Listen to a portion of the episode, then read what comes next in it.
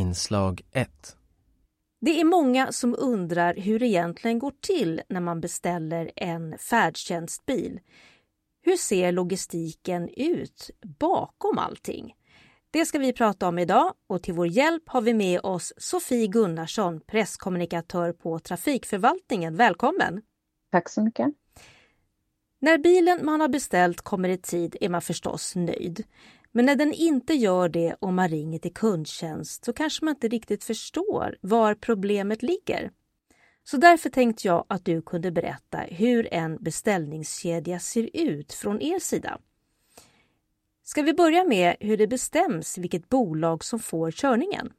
Mm. Om jag ska försöka beskriva då beställningskedjan så går den till som följande. Först gör resenären en beställning, ringer in en beställning. Beställningen läggs då in i vårt trafikhanteringssystem. Och sen ungefär 20 minuter före att resenären ska hämtas skickas beställningen från vårt trafikhanteringssystem då till taxileverantörens system.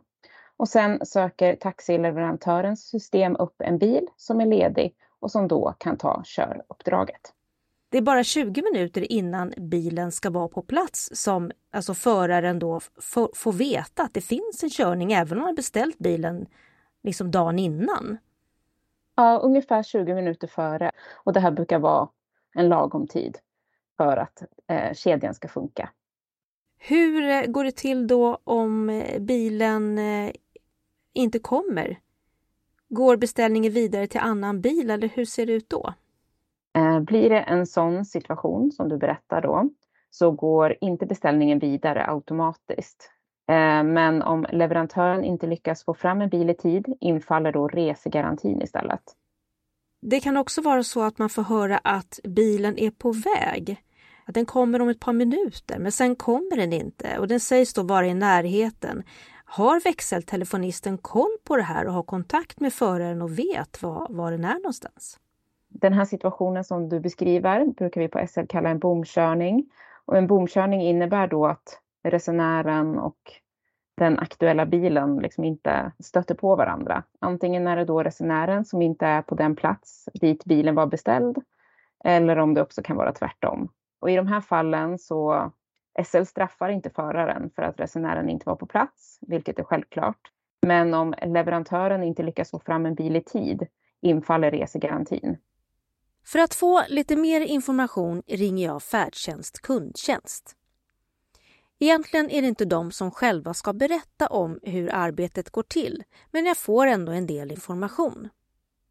När en kund ringer och beställer en bil så går ärendet till beställningscentralen och det är ett system där bolagen som kör färdtjänst är anslutna.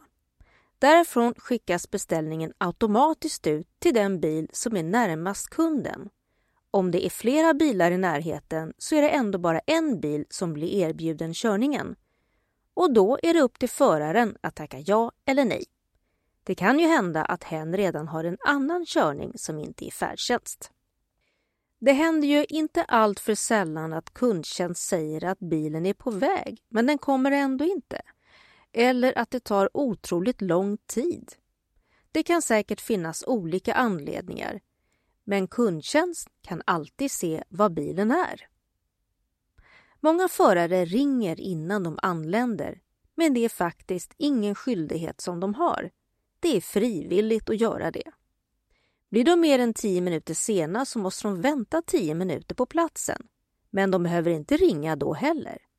Då är det upp till kunden att kolla upp om bilen fortfarande är på väg. En sak som kan vara bra att vara uppmärksam på är vilket telefonnummer ens adress är registrerat på. Det kanske inte är samma nummer man själv ringer ifrån. Skulle det då vara något problem så kommer inte föraren i kontakt med en. Ett exempel är om en personal ringer från ett äldreboende för en kunds räkning. Då kan den platsen ha ett inlagt telefonnummer till ett kansli till exempel, som kanske är stängt på helgen. Då är det viktigt att den som ringer anger ett tilläggsnummer som föraren kan nå kunden på.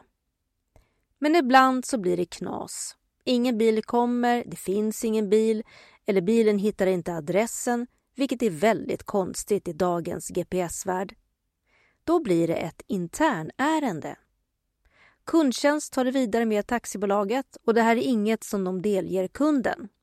Men kundtjänst säger att kunden alltid kan vara säker på att deras klagomål går vidare. Vi ställde många fler fördjupande frågor till Trafikförvaltningens presstjänst men de kunde tyvärr inte svara på dem.